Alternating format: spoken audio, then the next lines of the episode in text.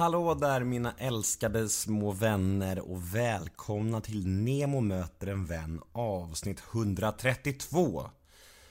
Denna vecka gästas jag av en livslevande legend. Nämligen artisten Björn Skifs. Och ja, innan jag eh, pratar om dagens podd så vill jag bara säga att nu till hösten eh, så kommer jag dra ut och föreläsa igen. Eh, som ni vet så har jag fått, fått en liten dotter och jag har ett break nu ifrån föreläsningarna och jag kommer ha ett break över sommaren. Men eh, nu är jag bokningsbar till hösten och då är planen att dra ut och ta en till sväng land och rike och berätta min life story för ungdomar och människor som vill höra den. Så om ni är nyfikna på min eh, föreläsning och vill boka den eller bara vill veta mer eller så så finns all information på min hemsida www.nemohedén.se Gå in och kika där på en gång. Men åter till dagens podd då, Björn Skifs. Mm.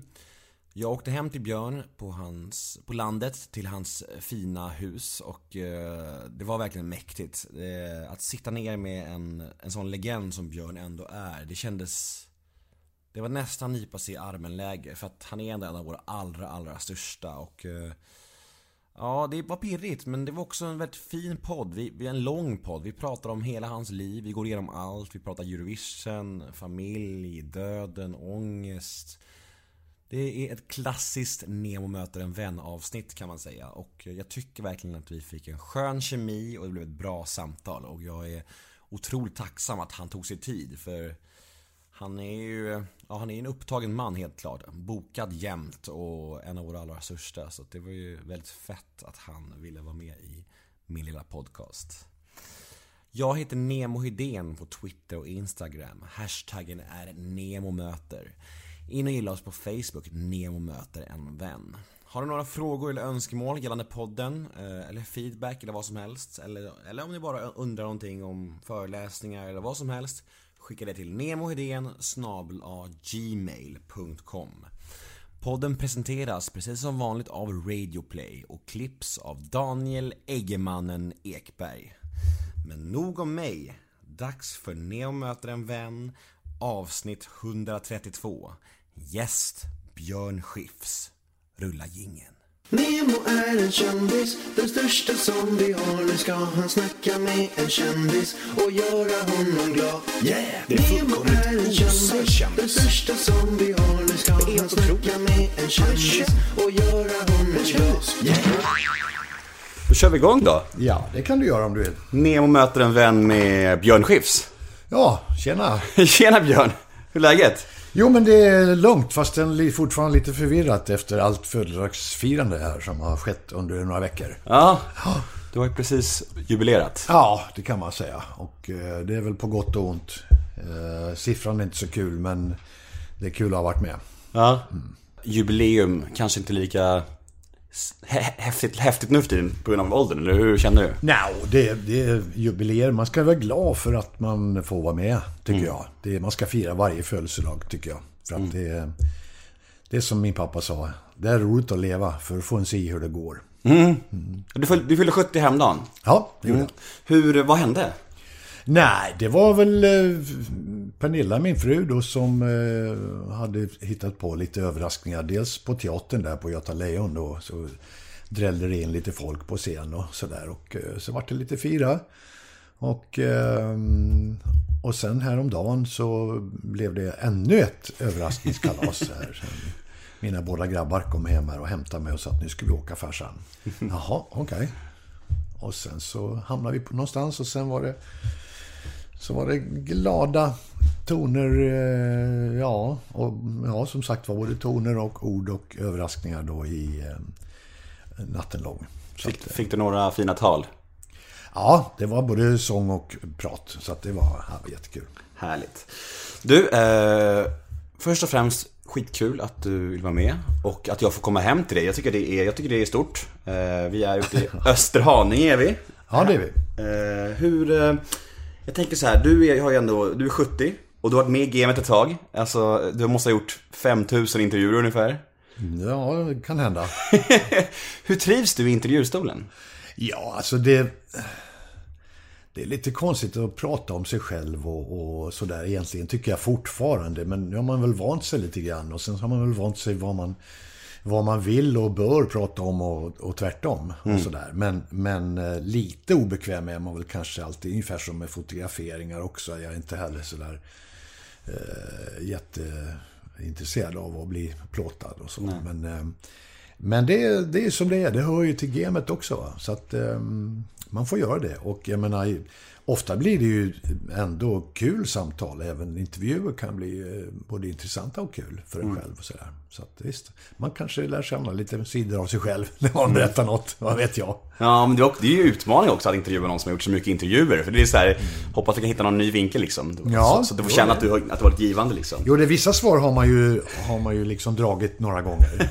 Jag kan tänka mig det. Ja, det har man gjort och vissa frågor har man hört flera gånger. Men ehm, nej då, sam, samtidigt så är det väl lite smickrande och, och sådär också att folk ska vara intresserade av vad jag tycker och säger och, och sådär va.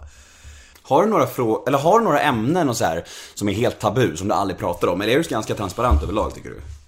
Ja, jag försöker vara rätt öppen men samtidigt så... Eh, jag tycker inte att man går för långt in i eh, privatlivet sådär. Det vill inte jag. Jag gör inte hemma hos-reportage och eh, pratar inte gärna om familj och, och sådär. Och, och nära vänner heller. Utan det... Nej, det är ingen som har med att göra, tycker jag. Nej. Nej, det låter rimligt. Men om man ska spola tillbaka bandet lite och, eh, och titta på din barndom och din uppväxt. Om du skulle se på din barndom och uppväxt, skulle du se den som lycklig då eller mindre lycklig? Nej, jag får nog säga att det är... Jag har haft en fantastisk eh, uppväxt och barndom och sådär. Det var, det var ju på Vischan då, uppe i Vansbro, Västerdalarna. Och det var ju 50-tal som jag växte upp under och det...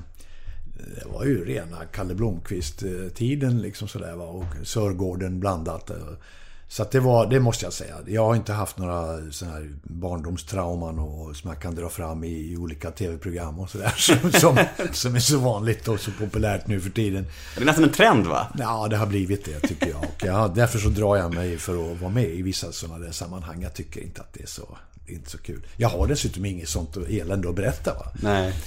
Ehm, och det som jag eventuellt skulle ha, det vill jag inte berätta. Så, att det, så är det enkelt är det bara. men men, det- nej, men det är en fantastisk barndom och jag menar jag...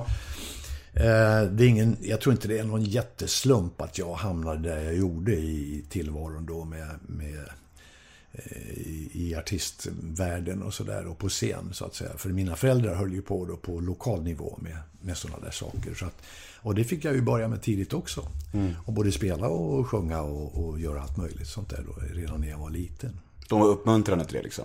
Ja, det gjorde de ju även om de ju knappast varken kunde tro eller ville att jag skulle liksom ha det som kunde liksom leva på, som ett yrke. Det trodde de ju inte. De bara, skaffa ett riktigt jobb. Ja, ett riktigt ordentligt... Eh. Polis. Ja. Nej, det ville de nog inte. Men gärna, eh, du vet, någon typ tandläkare, Mm. advokat, landshövding. Sådana där finare saker. Men i plugget då? Vem skulle du säga att du var i plugget? Jag var nog ganska mycket Mr Nobody sådär då. Jag höll, mig, jag höll en ganska låg profil och var väl inte framträdande varken i plugget själva som student eller, eller på idrottsplan eller något sånt där. Utan jag, det var väl först när jag började göra mina saker på scen och sådär, även i, i skoltiden då, så här, som, som jag eventuellt fick lite uppmärksamhet och sånt där. Men annars så höll jag en väldigt låg profil och var, jag var ganska blyg. Utom, utom när jag hamnade på scen då. då. Kände du att du hittade din identitet då? Liksom, kan man säga så? Ja, när jag, när jag väl stod på scen och eh, märkte att jag, jag finns. De märkte att jag fanns, eh, så att säga. Då, då tycker jag nog att då börjar jag hitta min id- identiteten lite, grann, lite bättre då. Annars så tycker jag var jag ganska försiktig och, och ehm, ja, ja, blyg och tillbakadragen ganska mycket. Sådär. Så att, eh, Hade du lätt med tjejerna? Nej, det hade jag inte. nej, herregud nej. Ehm, Det tog tid. Det tog en väldig tid. Ehm, jag har varit sen med allting sånt där. Alltså, det, ja. Minns du? Vuxenliv liksom har jag varit väldigt sen med. Jag förstår. Minns du första kyssen? Eh, ja, det, gjorde, det gör jag nog. Eller det gör jag, även om det inte kanske var en romantisk eh, kyss. Låt höra. Nej, det var... Vi hade helt enkelt bestämt att vi skulle träffas och öva på att kyssa, och pussas som det hette då på den tiden. Så vi var ett gäng. Två... Vi var tre grabbar och... Ja, det var väl tre tjejer kanske ändå då. Men vi var mer kompisar sådär va. Men vi träffades och, och, och, på en vind någonstans i något hyreshus uppe i, i Vansbro då. då. Ehm, och eh, ja, det var helt enkelt att öva på att pussas då. Det fanns inga andra liksom, varken, varken eh, ambitioner eller, eller känslor inlagda i det där. Utan det var... Nej, det... Ni gjorde varandra en tjänst kan man säga. Ja, det kan man säga. Hur, hur är det här nu då? Och sådär. Och eh, jag kommer ihåg vem det var som var bäst, som kändes bäst i alla fall utav de där tre då. då. Eh, och sådär, så att det var, ja, det är en jävla konstig historia, men, men så är det. Jag tycker det är lite gulligt nästan. Ja, det är men visst. Och sen, sen vi är fortfarande liksom så här kompisar, ja tjena, var det, men något mer så hände inte. Min gamla pusskompis. Ja, precis. Ja, vi har det. Vi har, vi har det gemensamt. Vi snackar aldrig om det igen. Nej, precis. Men kan du minnas när, när du kände så här första dagen att Fan, det här, jag kommer kunna försörja mig på eh, så här musiken. Jag har en fallenhet, jag har en gåva i det här. Kan du minnas, finns det några ögonblick där du kände så här, fan det här är jag, det här är bra på? Nej, alltså inte jag, men jag, jag märkte nog... Jag vet precis när jag märkte när mina föräldrar då vände, så att säga, från det här oron när jag höll på. Eh, alltså höll på att spela och, och tjäna inga pengar och kämpa och spela och det ena med det andra och sluta sk- skolan och, och eh, bara ville spela och det var ju det bästa jag visste eh, och så. Och jag höll på och höll på och höll på och de, och, mm, ja, de tyckte väl att, nej men lå, låt han spela. Det var mor, min morfar som sa, nej låt pojken spela. Får se vad det blir. Och sådär. Och eh, sen vet jag att vid ett speciellt tillfälle då jag, jag hade kommit ganska långt redan då när eh, så att jag fick ju uppträda på Berns med Eva Rydberg och Lasse Kühler och, och sådär. Då hade jag ju hållit på i ganska många år redan. Men där, när mina föräldrar kom och tittade på den föreställningen och på just det stället, Berns salonger, som de ju kände till även uppe i Västerdalarna. Mm. När de såg att där står pojken och gör sina saker, då tror jag att det släppte för dem. Så att Så vände de liksom. Ja, då, då, då tror jag de insåg att nej men, han kan nog försörja sig på det här. Det kanske är ett riktigt jobb ändå. Mm. Vände från skepsism till liksom nästan imponerad nästan lite. Ja, skeptiska, ja, jo. Till mitt val var, det nog, var de nog skeptiska. Inte till själva sysselsättningen, för det har de ju redan hållit på med Ja, själva ja, precis. under alla år. Men, men eh, jag tror att en sten föll där på något sätt från, från deras hjärta eller axlar. Och, och när de insåg att nej men det, det här går bra. Mm. Han klarar det här. Har de varit eh, stolta över dig? Ja, jag tror att de blev stolta så småningom och sådär. Och eh, eh, vid några tillfällen märkte man ju det till och med. De var ju och tittade på lite föreställningar och, musikaler som jag gjorde och sånt där. Och eh, ibland när de tyckte att det var när pappa tyckte att det var riktigt bra, då sa han mm, mm, det där var inte så dumt. Det var liksom guldmedalj för mig va. Vad fint. Ja, Det är sådana här grejer man minns tydligt sina föräldrar ju. Sådana här små saker som absolut. kan vara så här. Ja, verkligen. Sitter i det här livet liksom sen. Ja. Fantastiskt. Du, jag tänker att vi ska blanda lite. Vi blandar lite frågor som jag är nyfiken på, lite frågor från lyssnarna och sen lite frågor som alla gäster får. Så vi bara blandar friskt helt enkelt. Kör! Eh, Strul, Drömkåken, det är ju några klassiska filmer som du har gjort. Och eh, jag, jag, jag är så nyfiken på, hur hamnade du i, i filmerna liksom? Och varför hamnade du ur dem sen? Liksom, förstår du? det var ju en period kan man säga. Ja, det var det. Nej, men jag har ju alltid då varit nyfiken på ehm, den här branschen överhuvudtaget. Underhållning eh, rent allmänt. Och alla dessa grenar som finns inom underhållning och, och, och den här branschen som sagt var. Ehm, så att ja, det ena ger det andra i väldigt många fall. och så där. Jag vet att jag gjorde... Via popsvängen så kom jag så småningom in på krogen och fick göra första krogshowen då på Hamburger Börs 1978.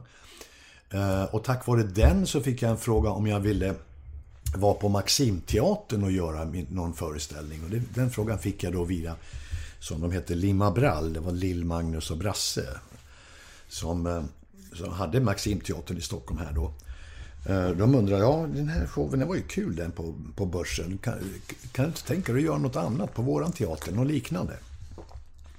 Eh, jo, för fanken, sa jag. Och eh, så växte hornen och så satt jag med min eh, gamla skrivarkompis Bengt Palmers som tidigare var min producent eh, på platta och sådär. Och eh, sa till honom, du vad, vad eh, gör du nu för tiden? Vi hade liksom tagit en liten paus ifrån varandra på något år och sådär.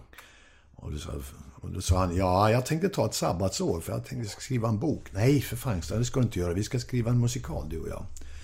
Och sen så satte vi oss ner och sen så började vi mm, tota på det där, eh, på en idé som vi hade och det blev en, en spökhistoria på scen då, som vi kallar för Spök.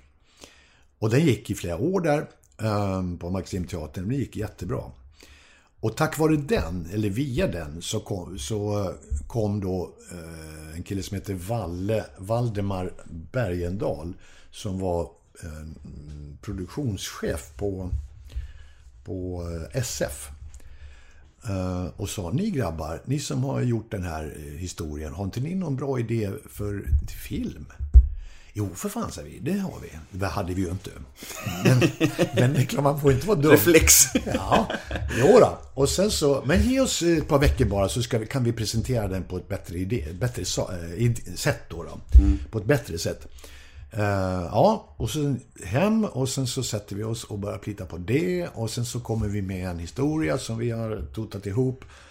Och eh, kommer upp till Valle med den och han säger ja, ja, nej men det, det, det låter inte så dumt.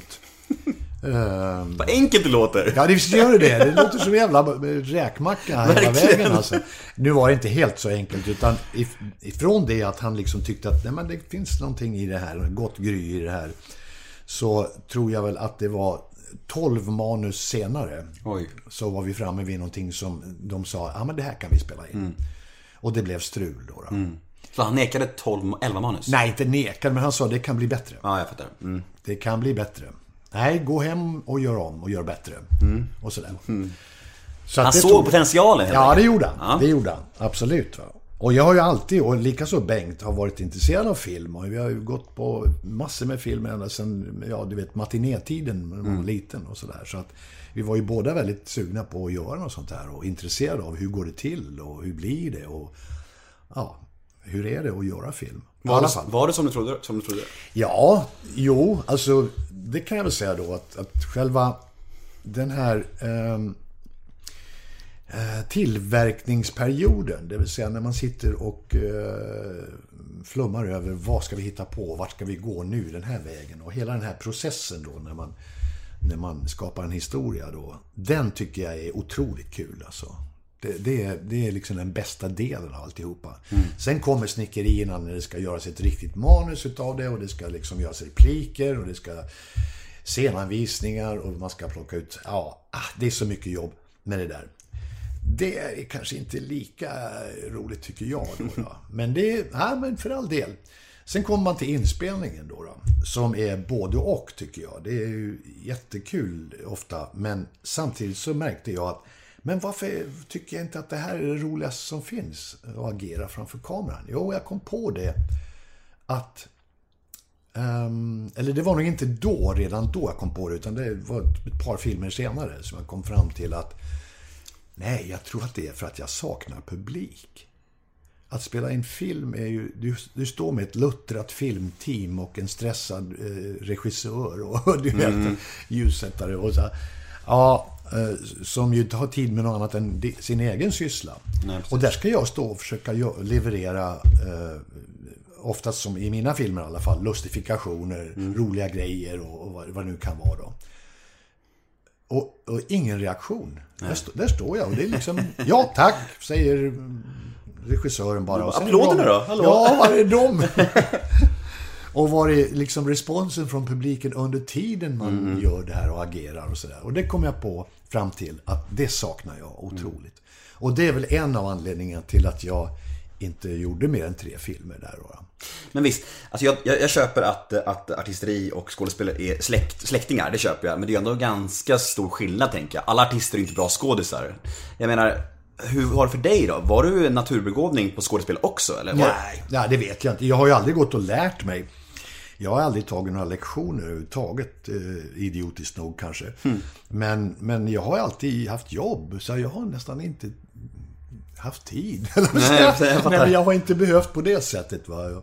Utan det, det rullade på eh, så småningom. Visserligen genom väldigt hårt arbete och mycket jobb och slit och sådär. Men, men eh, jag har ändå liksom hankat mig fram och, och sådär. Och det är klart att det är en viss fallenhet för det här med att agera.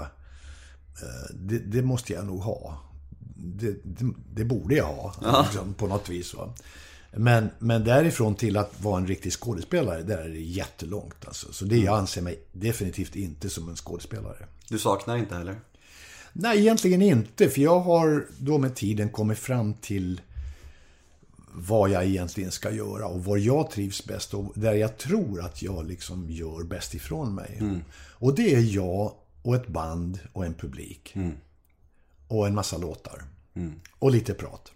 Men ganska gött ändå att ha avverkat några svenska klassiker och ha i bagaget, eller hur? Det är klart att det, det, det är ju mäktigt naturligtvis att, att eh, folk fortfarande från alla generationer kommer fram och, och drar citat ur de där filmerna och repliker och sådär. Ja, för de blev ju stora. Det var ju liksom Ja, inga så här dussinrullar liksom. Nej, det var det inte. Och eh, tack och lov inte några kalkoner eh, från kritikerna heller så att säga. Utan det var... Det var... Nej, men... Det var några trevliga historier liksom sådär med, som, eh, som slog väl an och sådär. Eh, Men... eh, eh, Nej, någon skådis är jag egentligen inte. Du, när jag har det här så måste jag ändå fråga om den här episka felsjungningen i Eurovision. Alltså vad... Jag kollade den igen i lite utbildningssyfte nu idag, i morse, och jag tycker att det är, det är väldigt kul. Och det är, kan du berätta bakgrunden kring det och vad som hände egentligen och sådär? Ja, ehm, det var ju, det är ju kul alltså. nå- Någonstans. I, i backspegeln är Visst det, är det? Ja, i backspegeln är det roligt. Just då var det kanske inte så roligt. Men nej, det var ju så att man skulle på den tiden så skulle man ju sjunga på sitt modersmål. Ehm, och eh, jag insåg ju då att eh, både låten och, och, och, och det här att jag skulle sjunga på svenska gjorde ju att chansen att liksom eh, vinna den var ju obefintlig, helt enkelt. Ehm, så jag tänkte så här, nej men jag kanske kan ha lite nytta av det här i alla fall, rent personligen så här.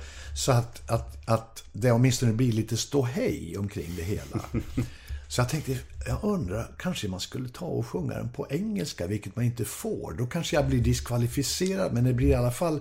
Eftersom, eftersom jag inte kan vinna så kan det åtminstone bli ett snack om den, då, som sagt var. Så att jag gick och grunnade på det där lite grann, för kanske jag ska göra det. För det fanns en, en engelsk text till den. Eh, så att när dagen väl eh, kommer där i Paris så... eh, då tänkte jag, ska jag säga det här till Bengt eh, Palmers då, som på den tiden var det ju orkestrar, alltså levande orkestrar. Så han stod ju och dirigerade bandet just det. där, och, eller orkestern. Och, eh, så jag sa det, du Bengt, jag, alltså jag funderar på om jag ska göra den här på engelska istället. Så att det får en lite genomslag utomlands och sådär. Och det är lättare att förstå i alla fall. Va? Så där, och det blir lite rabalder och sådär. Nej, för fan, sa Bengt, det kan du ju inte göra. Men vad då då? Nej, men du får tänka på att du har ju fått ett förtroende av svenska folket att representera Sverige i Europa. Det kan du ju inte göra. Och tänk på Peter, alltså Peter Himmelstrand som har skrivit låten då. då. Tänk på honom då. då. Du tar ju chansen från honom också liksom och, och, och, och bli någonting och, och att den här låten händer och så. där. Ja, men Bengt, den kommer inte att hända i alla fall. Det, det vet vi ju. Ja, men det, jag, jag Head over to Hulu this March, where our new shows and movies will keep you streaming all month long. Catch the acclaimed movie All of Us Strangers, starring Paul Mescal and Andrew Scott. Stream the new Hulu original limited series We Were the Lucky Ones with Joey King and Logan Lerman. And don't forget about Grey's Anatomy.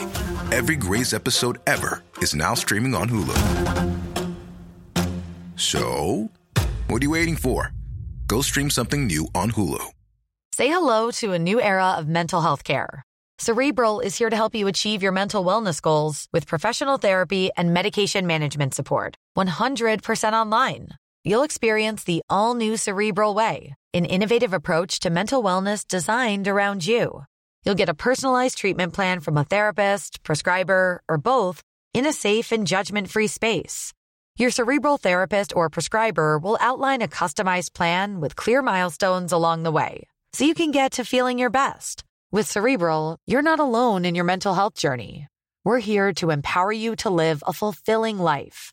So take that first step towards a brighter future and sign up today at cerebral.com slash podcast and use code ACAST to get 15% off your first month. Offer only valid on monthly plans. Other exclusions may apply. Offer ends July 31st, 2024. See site for details. Jag tycker inte du ska göra, säger han. Ja.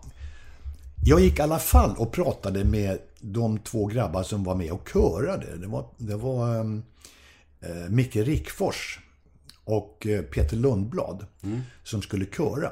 Så att jag sa det till dem. När vi hade, vi hade repeterat fint och fint på svenska och sådär. Och, och, ja, det gick väl bra. Men så säger jag då när det börjar bli dags för sändning, grabbar, eh, så här går eh, refrängen istället. Va? Sjung, nu sjunger de mest på a, a, o, o, a, o sådär bakom. Men i alla fall, det kan hända att jag sjunger den på engelska, säger jag. Va? säger de. Ja, jo, men jag, jag tänkte jag skulle göra så kanske istället. Bara så ni är beredda på det, så ni inte ramlar omkull. Va? Ja, ja, okej, säger de. Ja, du gör som du vill. Ja. Så kommer, så kommer vi till själva direktsändningen där. Och jag tänker, ja, äh, ja, vad ball, jag gör det. Och sen tänkte jag, nej men jag kanske inte gör det. Alltså jag kan inte göra det. så när jag går in på den stora scenen där och sätter mig vid- pianot där och börjar spela intron där på det. Då vet jag fortfarande inte hur jag ska göra. Vad, blir det här på engelska eller blir det på svenska?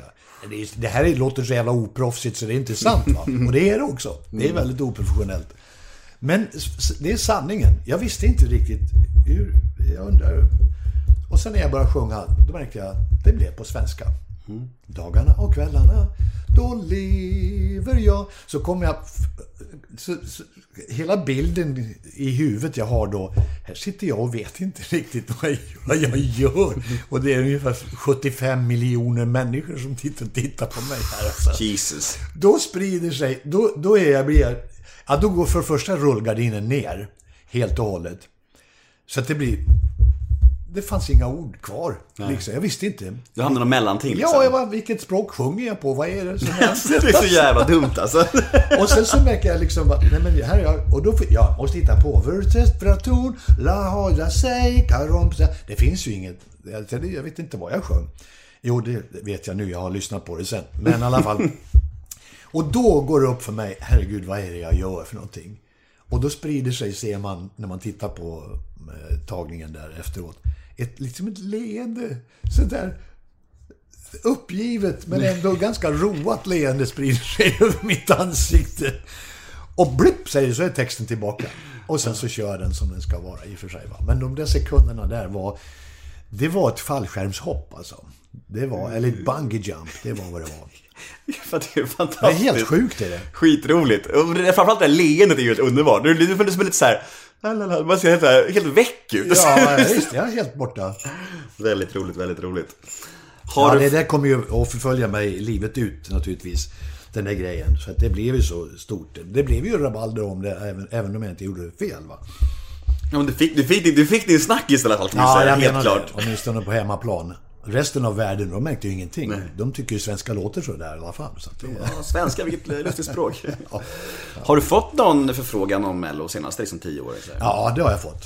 Jag har fått flera stycken faktiskt då. Men jag tycker att jag har gjort mitt där. Inte på grund av det här i Paris, men... Vågar inte, helt enkelt. Nej, men eh, nej, jag tycker att jag... eh, Det är fel forum för mig, så att säga. Det, det, jag ska inte vara med där och kladda. Alltså, det är nya, yngre förmågor som ska eh, ta hand om det där.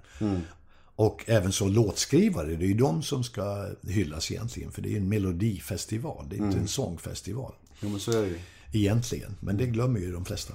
Men eh, nej, jag har, så jag har tackat nej då. Vi får inte se Björn Skifs något mer där. Nej, inte i Melodifestivalen. Nej, nej. alright. Hörru, eh, nu säger jag hörru. Jag, jag har faktiskt fått ett mail från folk som klagar på att jag säger hörru till mina gäster. Är det ohyfsat att säga hörru? Ja, men det är ju som engelska, du hör det. Listen säger de ju hela tiden. Så att eh, det där är någonting som bara Jag hör inte att du säger det. Nej, ja, men vad bra. Du, du tänkte inte på det i alla fall. Nej, nej. vad tur det. En av mina absoluta svenska favoritlåtar är Håll mitt hjärta. Okej, Jag tycker den är fantastisk och jag har alltid tänkt så att jag, på min begravning så vill jag ha den. Se där. Okej. Så om jag dör för dig så får du lov att komma och spela den där. Nej, jag, det, det kan jag inte göra. Jag, jag uppskattar förfrågan, men eh, eh, det gör jag. Jag gör den inte live på, på begravning. Jag har gjort det en gång för en, en nära vän. Och det är så svårt så att det, nej, det vill jag inte utsätta någon för. Inte Hur kommer det sig att du inte gör den på begravningen? Nej, men alltså jag tycker att de, man får gärna spela den både på bröllop och begravningar och det vet jag att folk gör. Eh, Men jag vill inte, eller jag vill inte sjunga på begravningar överhuvudtaget. Alltså för att jag tycker, jag, det, det, blir så svårt att det blir så svårt att kontrollera sig på något vis. Så att, Känslomässigt, eller? Ja, absolut. Ja. Det är jättesvårt. Och det blir inte bra. Så det, eh, även om, om viljan skulle finnas där så, så tror jag inte... Nej, så vill jag ändå inte. Jag förstår. Inte ens för 10 miljoner. Nej. men, men en sån låt som ändå är så himla stark liksom. Alltså, jag blir så nyfiken på hur, hur, eh, hur bakgrunden ser ut där. När ni skrev den och så här och hur, hur såg processen ut liksom? Ja, det är ju, jag har ju inte skrivit melodin. Nej, det vet jag. Utan jag har bara gjort texten. Och eh, jag fick den ju tillskickad mig eh, som en, mm, ja, både demo och eh, en inspelning då. Eh, som jag föll för direkt. Och den var ju på engelska då. Den hette då Same Old Story. Och, eh, men jag, jag fastnade för, för melodin, för låten överhuvudtaget som jag tyckte var så ömsint. Och det var en skön, härlig blandning av, hörde jag i huvudet i alla fall, utav blues och lite folkmusik och, och ja, någonting som grep mig väldeliga. Så att jag satte mig direkt med pennan och, och skrev en text som jag inte tror tog mer än ett, ja, kanske någon timme eller två att få ihop då. Som, som, som, jag, som var precis så där som jag kände när jag hörde låten första gången. Och sen så tog jag kontakt då med låtskrivarna och frågade, har ni någonting emot att jag skulle kanske kunna försöka göra den på svenska? Och då sa de, nej okej, får vi se på texten, får vi kolla texten bara sådär. Och så godkände de den och tyckte att den var helt okej. Och ehm, ja, sen spelade jag in den och, och la den då på, en, eh, på ett album. Eh, och det var väl inte någon singel. Det har väl aldrig blivit någon singel. Utan den har väl... Ehm, jo, det blev väl det i och med att den... De eh, testade den för Svensktoppen och sådär. Och då kallas det väl för singel, även om det inte, inte var tanken att det skulle vara en singel från början. Men så, och så hamnade den där på Svensktoppen och eh, låg kvar och låg kvar och låg kvar. Och sådär också. Folk fick höra den och det var väldigt starka och fina, härliga reaktioner på den där låten. Och ehm, ja, sen vet jag inte hur många gånger jag har gjort den live också för den delen från scen och sådär. Och framförallt fått höra då att, att folk gärna har den på just på begravningar och eh, även på bröllop. Och så. Vad tänker du då? Ja, jag blir jätteglad och oerhört eh, varm och, och smickrad. Ehm, för det, vad vad är det annat man, man vill med det man gör om inte folk ska reagera på det och känna för det åt det ena eller andra hållet? Bli glada eller, eh, eller melankoliska. och Känna någonting Känna bara. någonting överhuvudtaget. Va? B- Både vad man gör på scen och på platta. Allt man gör så är det naturligtvis är man ute efter en reaktion. Det är ju det här med publik igen. Ja, jag tänker så här, när, när man skriver en sån låt, eller vi kan ta några av dina andra största hits, eh, Hooked on a feeling eller Michelangelo, några av de här stora liksom. Känner man själv då när man skriver låten att fan den här kommer säkert beröra, den här kommer folk gilla? Eller, eller är det omöjligt att veta vilka som blir stora? Ja, jag vet aldrig. Nej. Jag har, jag har världens sämsta näsa för hits alltså. Eh, tack och lov har jag väl haft lite folk omkring mig som har haft lite bättre känsla för det där då och sagt att ah, det där, det där tror vi på. Det där tror jag kan bli wow och så. Jaha, okej. Men själv gäller det ju liksom bara att, att eh, göra det där så, så att man själv känner det som man vill ska kännas. Ehm, och det är inte så att jag liksom står och gråter när jag sjunger en ledsen låt och, och att jag fnittrar när jag gör något annat. Och så. Det är inte det, utan det är bara att man har den där känslan någonstans i kroppen och, och, och att man eh, på något vis försöker förmedla den i alla fall. Då. Och det, ja. Mm. Nej, jag vet aldrig vad som ska slå eller inte slå. Det vet Kanske lite av, eh, det, lite av det spänningen också på något sätt. Absolut, det är klart det är.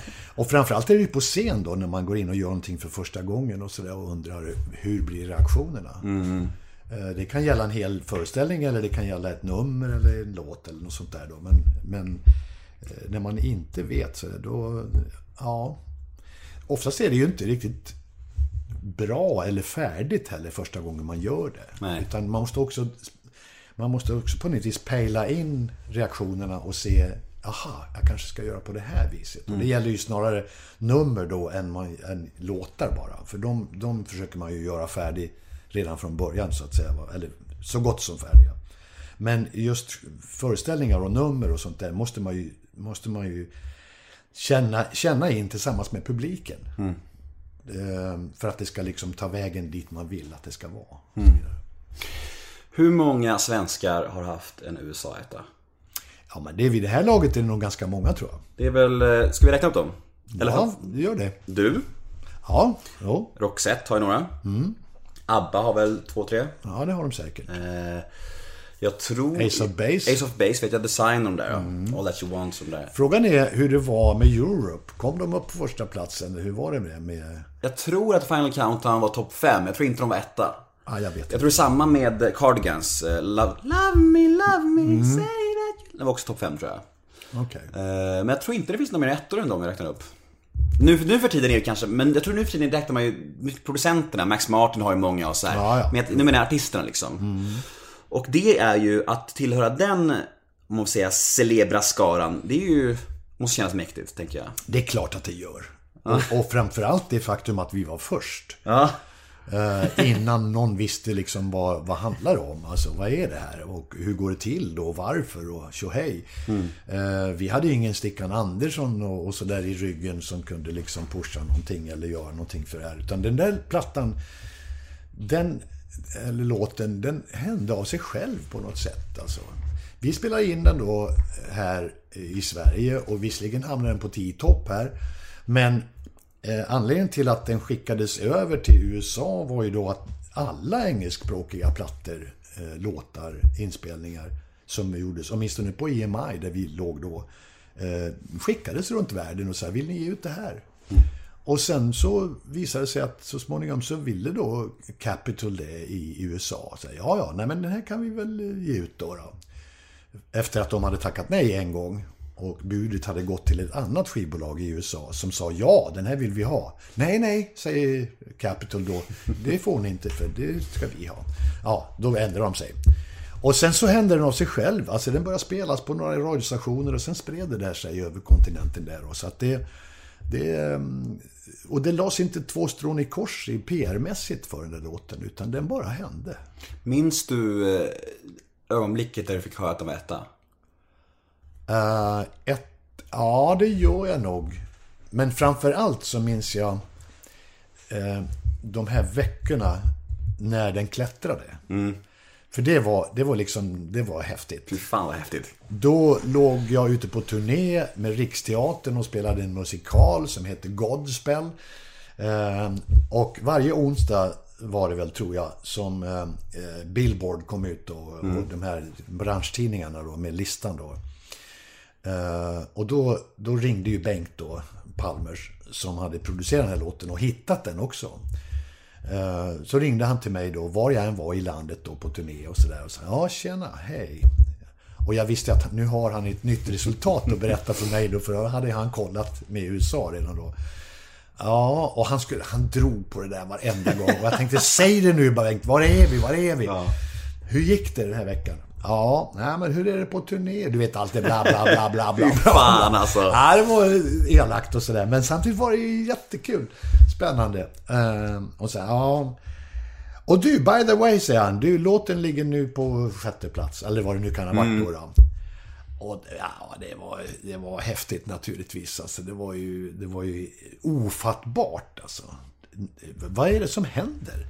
Och jag minns en gång när vi då på turnén var i, jag tror det var Västerås och spelade Godspel. Eh, och jag skulle precis gå in på scen. Så kommer en vaktmästare på teatern eh, och, och ropar på mig. Du Björn, det, du, det är telefon till dig. Ja, men inte nu. Jag ska in på scen snart. Vi börjar ju strax. Ja, men det här, det är från Amerika. Jaha. Åh jäklar. Ja, ja. Eh, fort då. Här då. Ja, och sen var det då någon sån här A&R eh, snubbe där borta i, i Hollywood då som, som ringer så här. Ah, this is Al Corey. Ah. Ja, och så ville han då bara eh, säga då att nu låg vi på tredje plats. Eh, jag tror att det var tredje eller fjärde plats då som jag hade klättrat till då. då. Och då började de snacka om att ehm, Eh, vad, gör ni, vad gör ni i Sverige? Ni ska ju vara här. Sen Get your right asses over here! Du vet så här. Och jag sa, ja, I can't do that because I'm playing Gonspel in Västerås. och det dröjde också mycket riktigt länge då innan vi kom över. Ehm, Den gick ju upp då på våren 74. Eh, Och vi kom inte över förrän i augusti. Därför att vi hade, dels var jag på turné med, med Godspell som sagt var. Och dels hade vi ju en, en folkparksturné inbokad. Och det sa jag aldrig att vi sviker de kontrakten. Det, vi kan väl lika gärna åka i augusti när sommaren är över. Så här. Och, Ja, det var ju så dumt tänkt. Vi skulle naturligtvis ha strukit alla, annullerat alla kontrakt och åkt över på en gång. Kanske någonting hade hänt ordentligt va? Det vet jag inte. Men, Har du varit eh, bitter över det? Nej, inte ett dugg. Inte ett dugg. Vi fick ändå vara med om äventyret va? och det var ju ganska bra drag fortfarande när vi var över i, åkte över i augusti sen. Så att, Hur länge var låten på listan? Billboard? Eh, jag vet inte hur många veckor, jag, har ingen riktig koll på det. Men, men sammanlagt så låg den väl, om, när den började klättra ifrån 114 plats eller du vet, någonting. Eh, ja, kan hända att den, kanske en 14-15 veckor eller något sånt där i alla fall. Under klättring och... Sen låg den ju bara en vecka, en vecka på första plats då.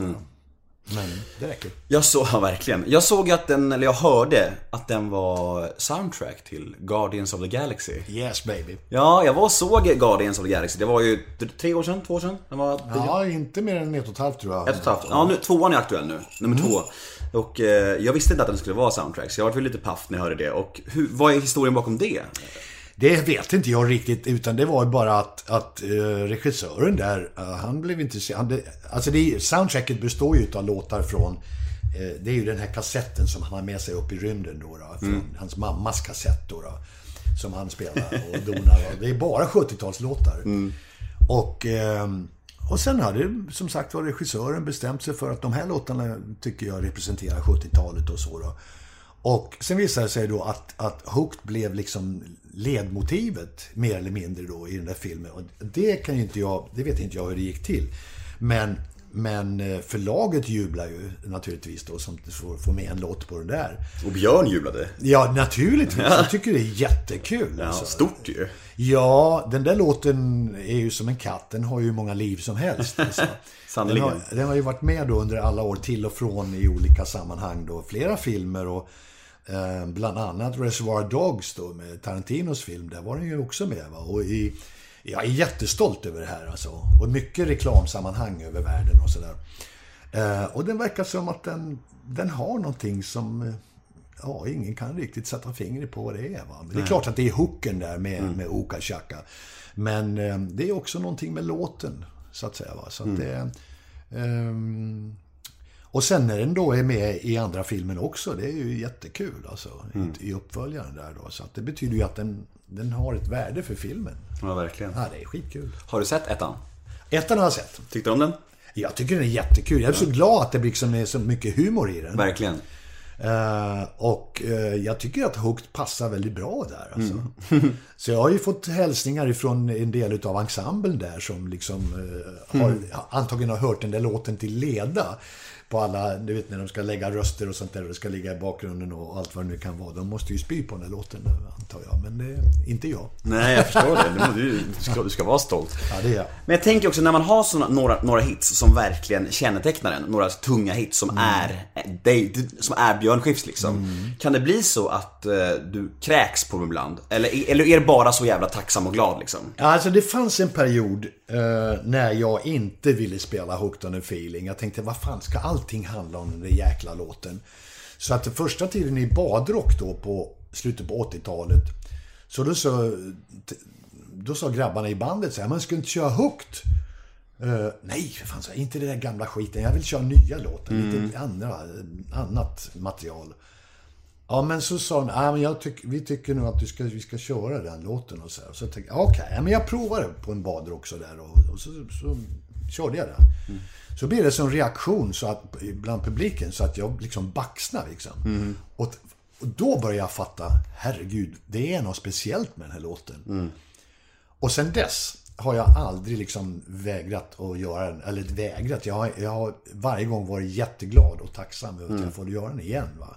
För det är ju så, det, det, det gäller så här. Antingen så kan man vara så här, åh måste jag spela den här, jag vill bara spela nytt. Eller så kan man istället vara Alltså ta- tacksam över att man faktiskt har fått göra så stora hits. Det är det. Ja, Ju- så är det. Så är det ju. Så är det. Och man ska göra dem också eh, om det är så att det känns att, att det här vill folket ha va? Mm. i publiken. Och jag, jag kommer ihåg själv när jag var och lyssnade på en, eh, var på en konsert med Ray Charles som är min stora husgud så att säga. Va? Det är det bästa jag vet. Mm.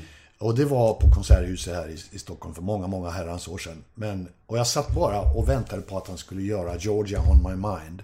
Som är enligt mitt förmenande något av det bästa som har gjorts. Ehm, och så gör han inte den. Nej, han spelar inte den. Han sjunger inte den. Och jag kommer ihåg hur besviken jag var. Han gjorde en massa annat som var kanonbra, alltså kalas. Men den kom inte. Och det, där fick jag en liten läxa. Eh, att har man en hit ska man fan med spela den alltså. För det är så många människor gör glad. Ja, man, folk blir så glada. Ja. Och det är ändå publiken som är allt. Liksom. Absolut, det är det enda viktiga. Så får man lägga sin lilla butterhet åt sidan. Det får man verkligen göra alltså.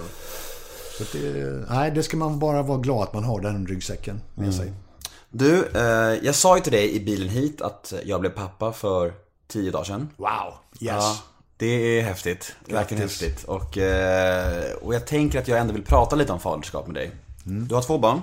Ja, När du blev pappa, eh, minns, du hur det, minns du hur det förändrade dig som människa? Hur det kändes då? Ja, i backspegeln, alltså det, var, det blev ju sån turbulens på en gång på något sätt. Va? Det, blev, det var ju en omvälvning i hela tillvaron. Eh, eh,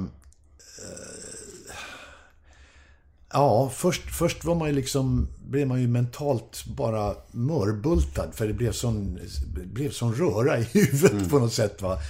Eh, men, men eh, alltså, och sån otrolig mix av känslor som kommer strömmande. Känslor som man inte anade att man liksom hade eller, eller som var så viktiga. Och, eh, men sen när man liksom börjar sansa sig och det börjar liksom bli lite mer konkret och sådär, hela tanken på det. En tanke kan bli konkret, ja det kan den.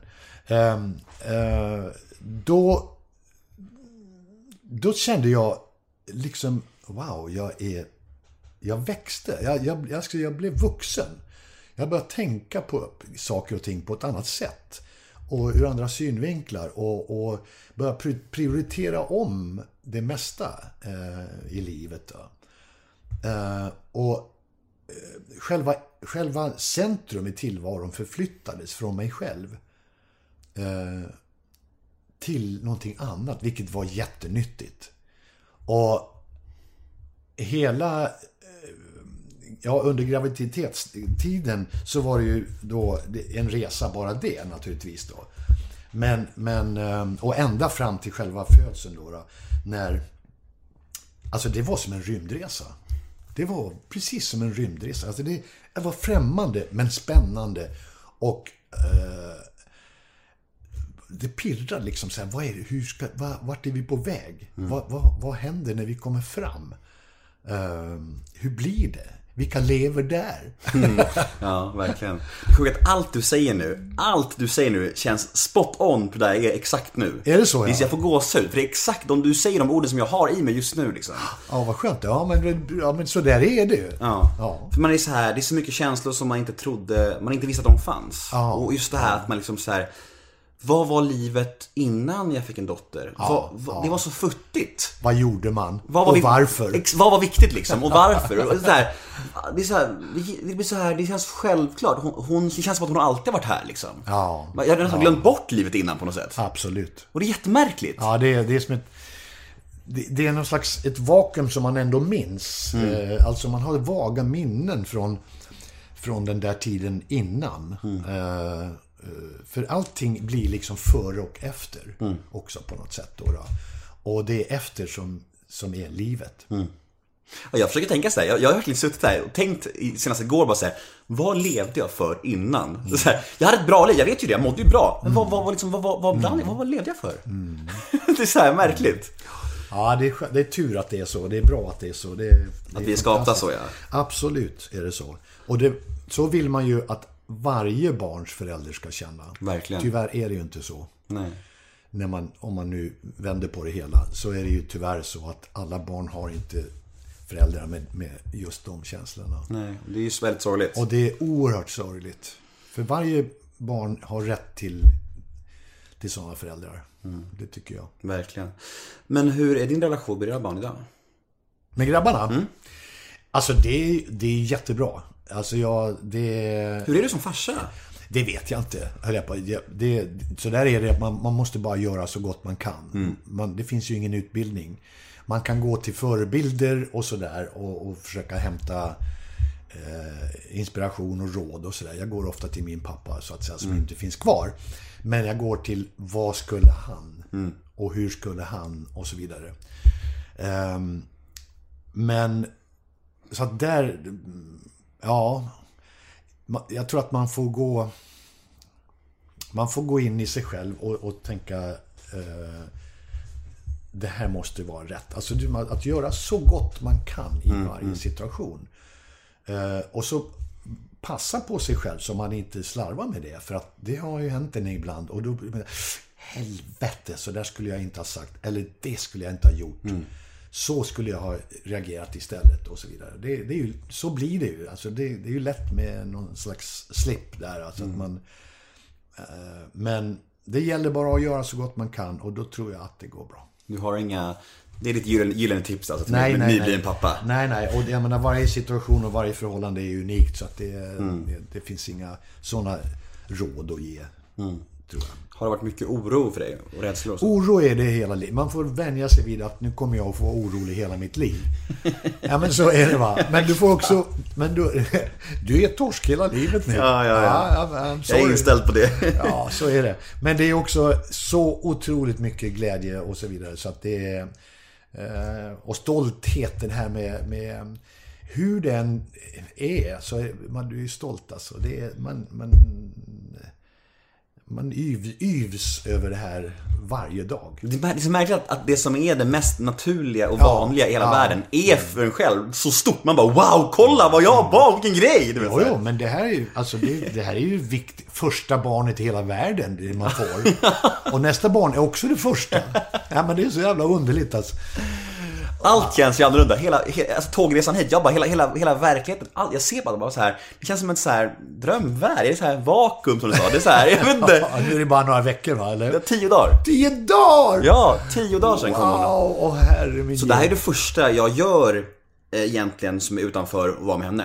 Okej. Så, eh, ja. Right. Ja, Men jag förstår att du vill prata om det då. Ja, men det vill jag Man ju. är ju så uppfylld och sprickfärdig av... Verkligen. Man vill dela med sig till hela världen av det här naturligtvis. Det, det minns jag tydligt. så, mm, verkligen. Ja, man blir så så, tjatig och jobbig alltså. men jag är så glad att du har barn också så du kan känna Ja. igen dig. Så vi Ja, kan prata förstår. lite om det. Absolut, jag förstår dig mycket väl. Jag vill också prata lite om eh, din fru och er relation. Hur länge har ni varit gifta? Vi har varit gifta sedan 1988. Eh, Det är alltså då 30 år nästa år. Och eh, det är 30 fantastiska år. Eh, Och ja, jag är bara evigt tacksam att hon orkar med mig. Men jag tänker på det, ni har varit gifta i 30 år, ni har barn, ni bor ihop, ni jobbar ihop. Alltså, vad är nyckeln till att inte ledsna på varandra? Att det, fort, att det fortfarande är så jävla fint och bra? Vad tror du nyckeln är? Det där är nog också väldigt olika i olika förhållanden naturligtvis då. Men, men det är så mycket som gör att att, vi, att det är som det är för oss då, då med oss och så. Men, men ja, vad ska jag säga? Nyckel, jag vet inte vad det finns. Det finns en massa olika nycklar tror jag i så fall. Ehm, ja, åh, var ska jag börja? Ja, det är jättesvårt. Det är bara ni kanske bara klickar? Ja, det var så. Det var någonting som hände där på, bakom scenen på Cirkus. 1986 träffades vi första gången.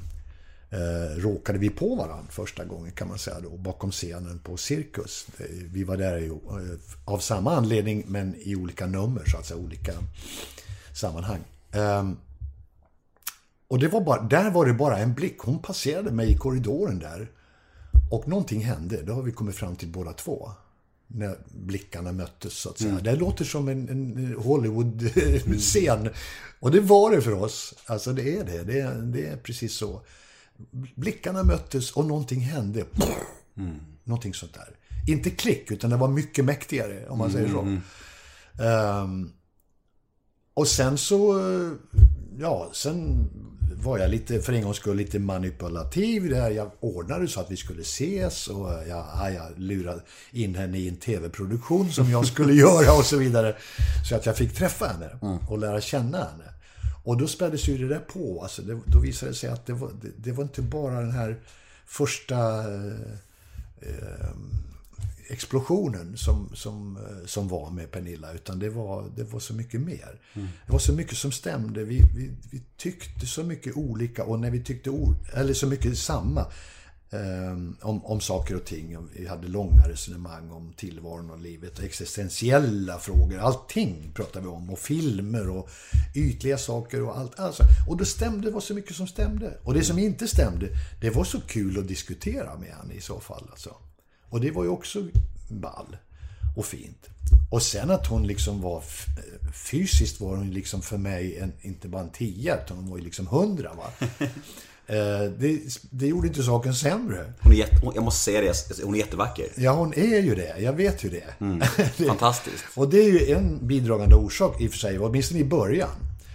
Eh, och det betyder ju mycket nu också. Men, men det var ju inte den stora anledningen, utan, utan det var ju att hon är hon. Och, och sen visade det sig att vi hade många andra gemensamma eh, intressen än just bara teater och dans och musik och sådär. Ja, dans är inte mitt stora eh, grej om man säger så, men, men hennes. Ehm, och eh, som till exempel att vi båda är, är jätteintresserade av idrott, av sport.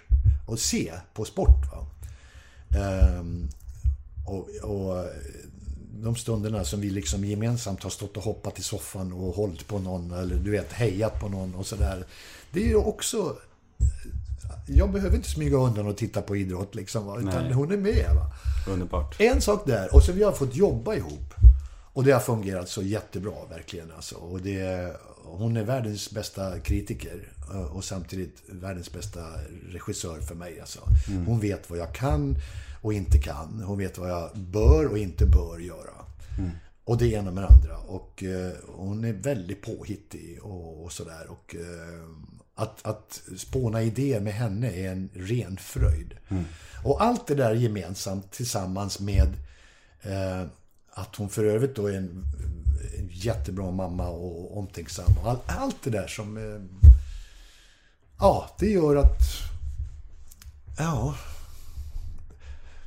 Ja, från min sida finns det liksom inte någon... Det finns inga alternativ. Jag kan Du inte, ser nästan lite rörd ut när du pratar om henne. ja, jag blir det. Ja, jag förstår det. Jag blir det. För det hon är... Det är så här, om man, om man tänker sig att alla människor har en själsfrände liksom i världen. Då är det ju bara ren tur att man springer ihop med henne. Jag tänker att det var det ni gjorde där. Du, du sprang ihop med din själsfrände liksom. Ja, det var där, därför känns- Mm, det var så explosivt liksom. alla känns människor så. kanske har en någonstans, men att, att springa ihop med en är ju bara ren tur. Ja. Det kanske var det du upplevde liksom. Ja, men du vet, jag har tur. Ja. ja. Jag vinner aldrig på Lotto eller på eh, någonting som är lotter eller något vad som är. Aldrig någonsin. Alltså, Men behöver- jag, har, jag har tur i, i sånt här. Fast du, jag tror inte du behöver någon lottovinst efter Hook on feeling. du tror att jag blir rik på den? Ja, Nej. försök inte. Jag tror nog du blir rik på Hook Inte on a på feeling. den inte. Eh, Den har jag inte varit med och skrivit. Utan där sjunger jag bara. Och Ah, då blir det inte många slantar över. Men jag Bengt Palmes blir rik på den. Nej, ja, det, inte han heller. Han har bara producerat. Men däremot Mark James som sitter i Amerika och myser, som vi faktiskt har lite kontakt med också, kul nog. En jättetrevlig kille.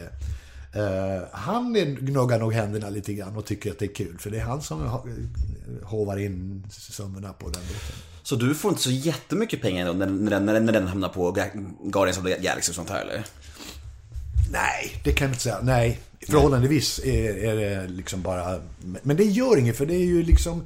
Det är inte därför man håller Nej, på och gör det. det. Utan det, det är jäkla...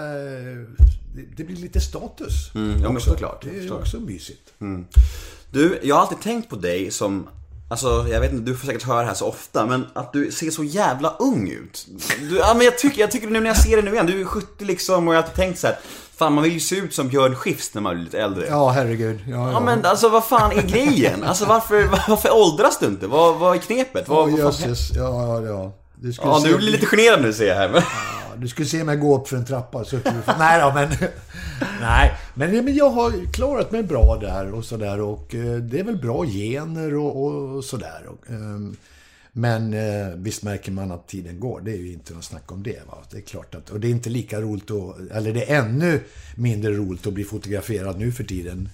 Än vad det var för kanske 25 år sedan. Men, men skitsamma. Eh, man är den man är och... Eh, Men tar du hand om det mycket? Nej, det kan man inte säga faktiskt. Alltså, ja, det, eh, vad menar du med, med krämer och grejer? Nej, men, jag, men jag tänker så här, vitaminer, träning, jag vet inte. Nej, alltså jag, jag har ingen organiserad träning. Jag har försökt några gånger i livet, men jag tycker att det är... För mig är det inte det grej. Nej, alltså jag... Du har bara grymma gener. Jag tror det. Det kan det räcker ju uppenbarligen. mycket knäckebröd. Ja, precis. Men har du någon åldersnoja? Nej, inte noja. Det har jag inte. Det är klart att, att man funderar eh, lite mer på livet och eh, varför och sånt där. Eh, och hur.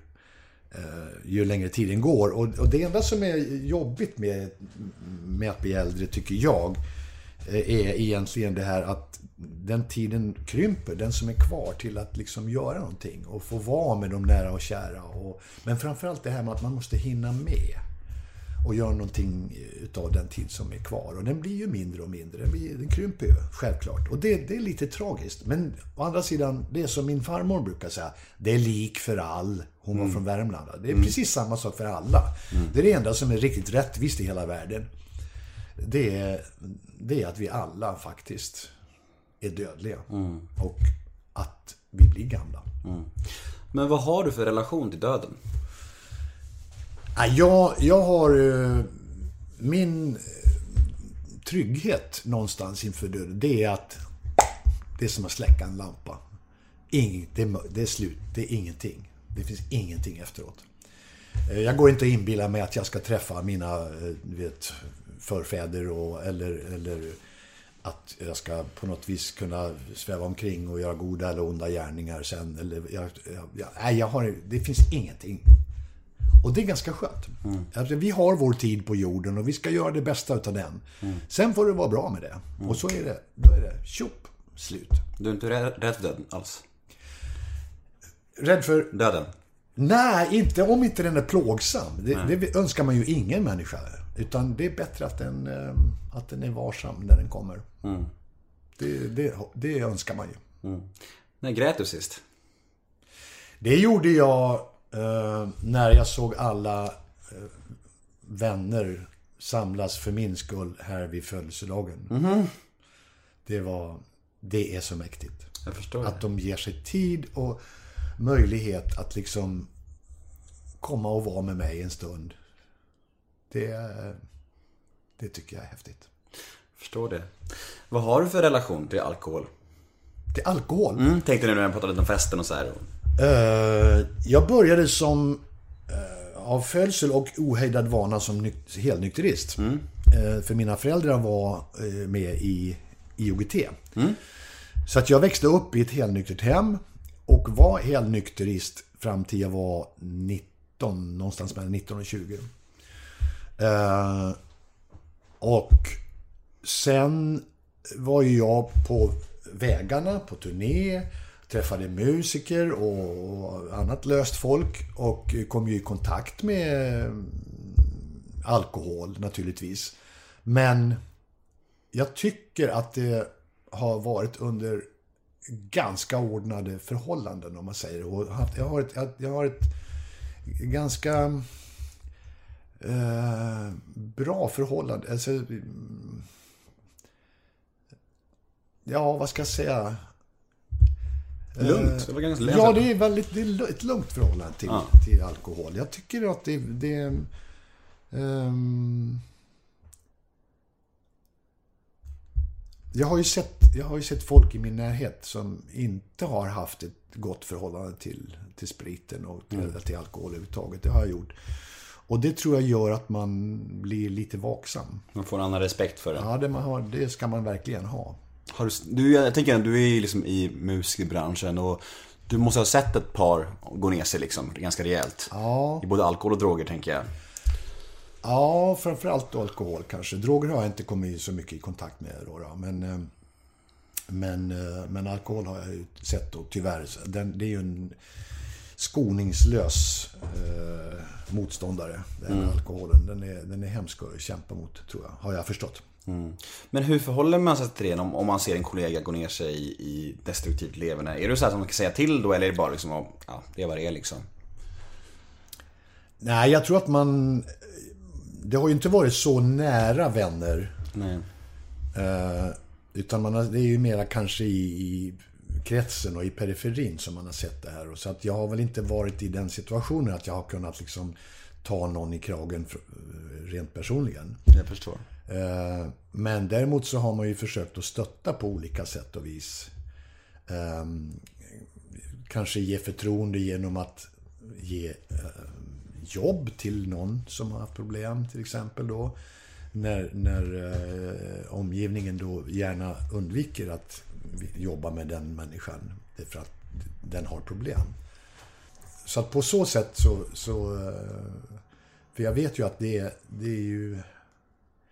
Det är ju oftast inte självförvållat problem. Utan det är, det är väldigt mycket olycksfall med just med gener och arv och sånt där va, som spelar in. Och eh, det är kämpigt.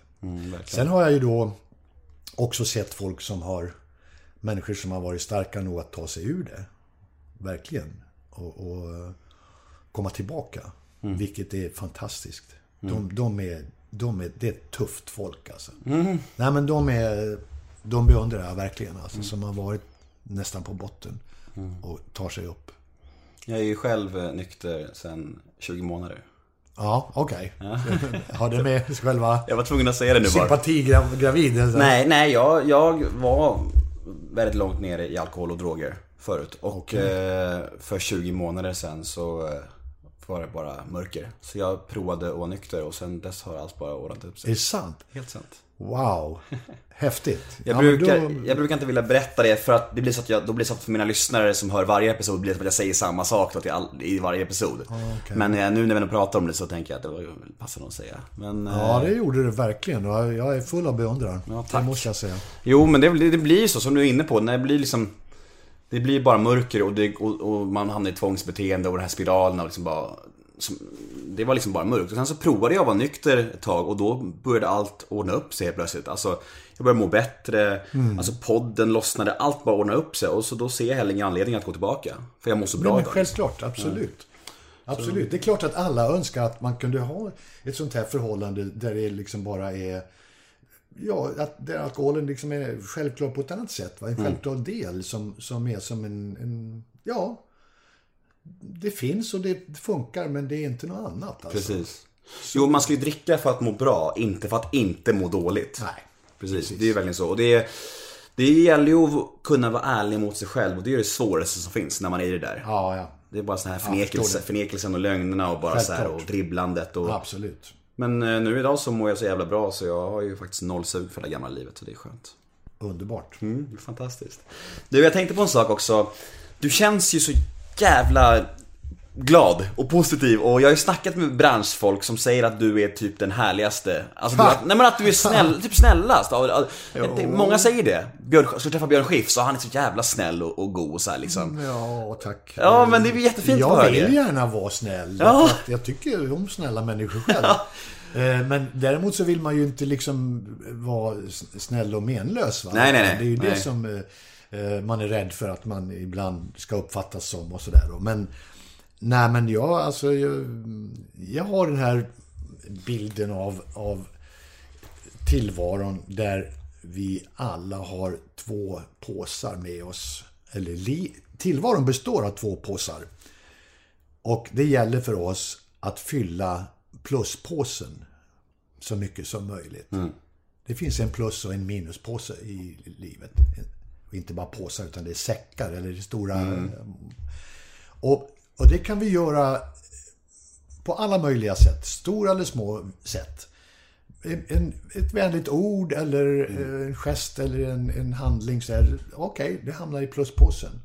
Allt elände när vi tänker liksom, det var en jävla skitgubbe eller vad det nu kan vara. va? Man tänker någonting, fan ska folk behöva och... ja, så- Eller lögn eller vad som helst. Ja. och det hamnar i minuspåsen. Ja, ja. Och så gäller det liksom att, inte, för minuspåsen får ju så jävla mycket hela tiden ändå. Va? Mm. Så det, vi måste kämpa.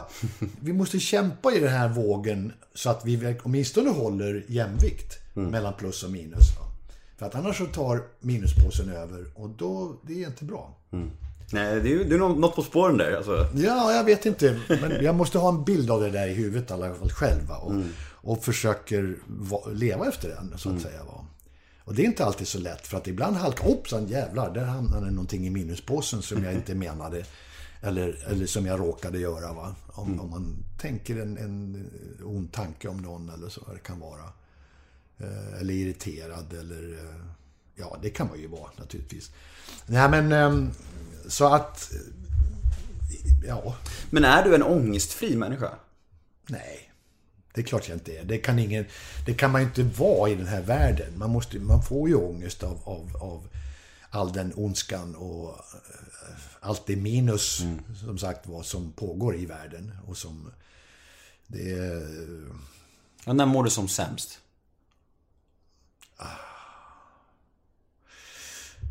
Ja, allra sämst det är ju så, naturligtvis då när, när eh, mina närmaste mår dåligt. Av olika anledningar och sådär då. Det, då mår man ju dåligt själv. Alltså det är ju, så är det ju. Ehm, och annars så är det ju eh, av ja, avund och, och, och missundsamhet och sånt där. Och, och svek. Ehm, I olika former. Det gör mig och det får jag... Ja, jag mår dåligt av det. Upplever du att, att folk i din omgivning kan vara missunnsamma missunnsamma på dig? Ja, det kan jag göra. Och ehm, har upplevt lite sånt och, eh, och även svek. Eh, och det gör mig otroligt ledsen. Folk som försöker utnyttja dig typ kan man säga. Ja, eller, eller har- liksom eh, föresvävat en sak och sen... eh, eh, vad heter det? Man har, man har sagt en sak och sen så gör en annan. Ehm, ja, nej, det är det. Men annars så är jag nog en, en Ganska lycklig man. ganska... Jag är väldigt lycklig egentligen alltså. Det är jag. Absolut. Vad tror du är den största missuppfattningen om dig? Det är nog att jag, att jag är sådär genomgod och snäll. Du vet en nalle som står under en hängbjörk och ler fånigt. Så. Helt menlös. Ja, totalt alltså. Ingen Nej, men det- åsikt, ingen- ingenting. Nej, det, och, och, nej, det tror, jag, det tror jag är den största missuppfattningen om mig. Och, och det, de får gärna ha den bilden. Det spelar mig ingen roll. Alltså. Det är bättre det. Mm. Än att de liksom får för sig att jag är en jävla buse. Eller du vet, Mm. elaking och, och, och så. Så att det... ehm, Ja, hellre, hellre det första då i Ja, fall. jag menar det. Verkligen. Ja, ja. Men vad gör du om du har en, om du har en helt ledig dag? Om du inte har någonting på schemat, vad gör du helst då? Ja, alltså egentligen om man ska vara ärlig, så gör jag så lite som möjligt. Jag, jag brukar säga att jag skulle vilja sitta på en, på en eh, stubbe och tälja på en pinne. Alltså rent bild, som en bild. Det vill säga, ja, fundera, lyssna på fåglarna och, och fundera på tillvaron lite grann sådär och, och försöka planera vad jag ska göra i nästa dag. Eller istället. Mm, jag fattar, jag fattar. Nej men alltså, jag, det, det är så jäkla skönt ibland att bara känna att nu behö, just nu måste inte jag göra någonting. Jag behöver inte någonting. Jag behöver inte planera något egentligen. Va? Men det är skönt att kunna göra det när man får tälja på en pinne samtidigt. Bildligt talat. Nästan som Ferdinand under en korkek. Ja, lite så blir, så blir jag en ledig dag. Så kan jag bli. Och sen går jag gärna ut i Snickerboa och tittar och sparkar lite bland brädstumparna och undrar, kan jag göra någonting av det här? Nej, inte idag. Nej, Imorgon kanske. Ja, kanske imorgon och sådär. Eller också så ringer jag någon kompis eller också så... eh, Ja, ja det, så där vill jag ha en ledig dag. Det är gött. Vad röstar du på?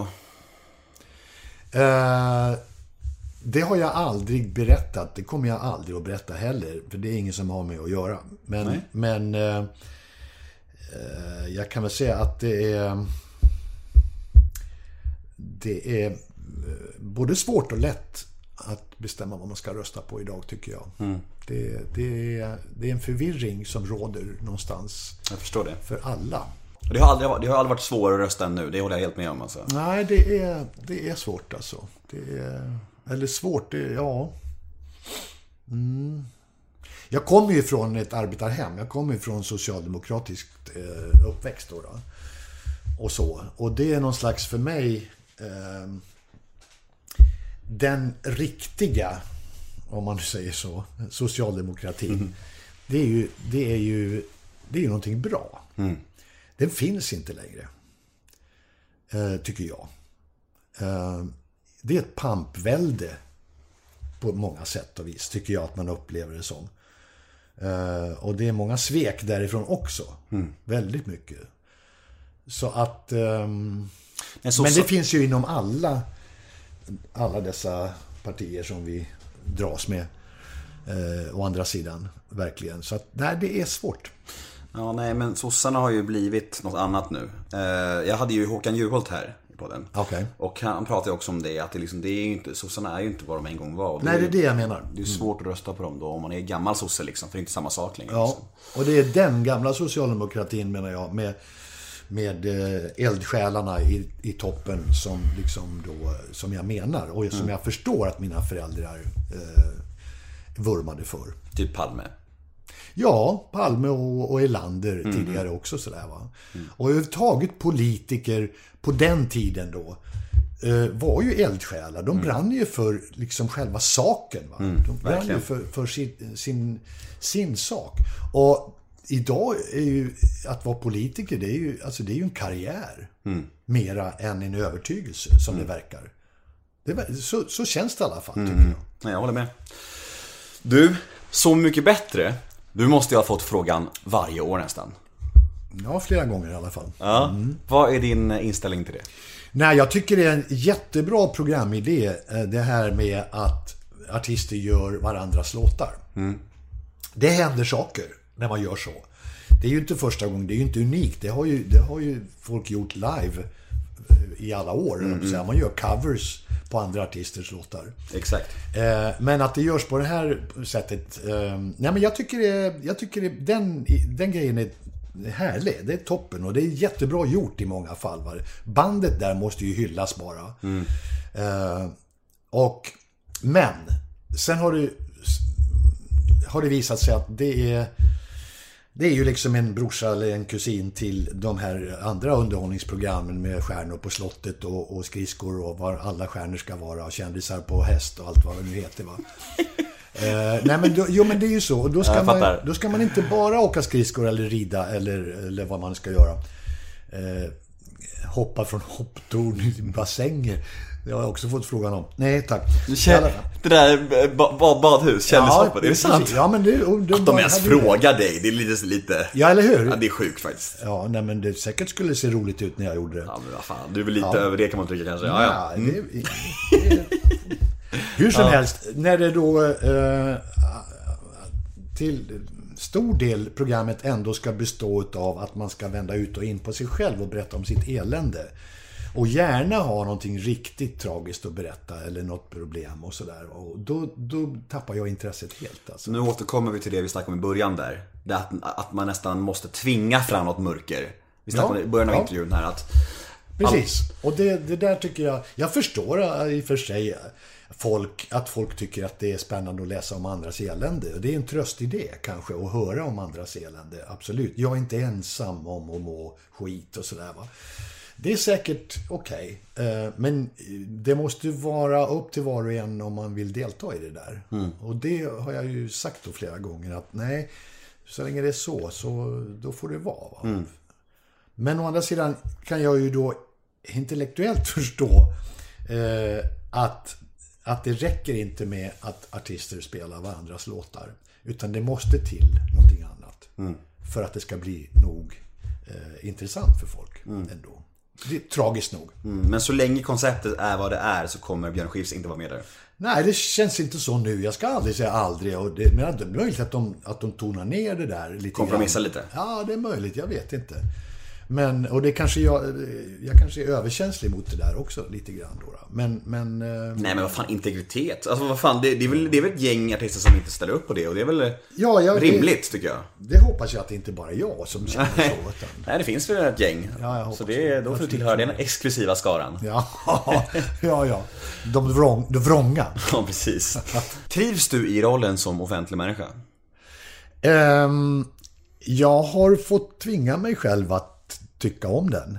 Och eh, det gör jag på sätt och vis, det kan man säga. Alltså, det är för att jag har vant mig vid den och kan, jag kan tackla den ganska bra nu för tiden.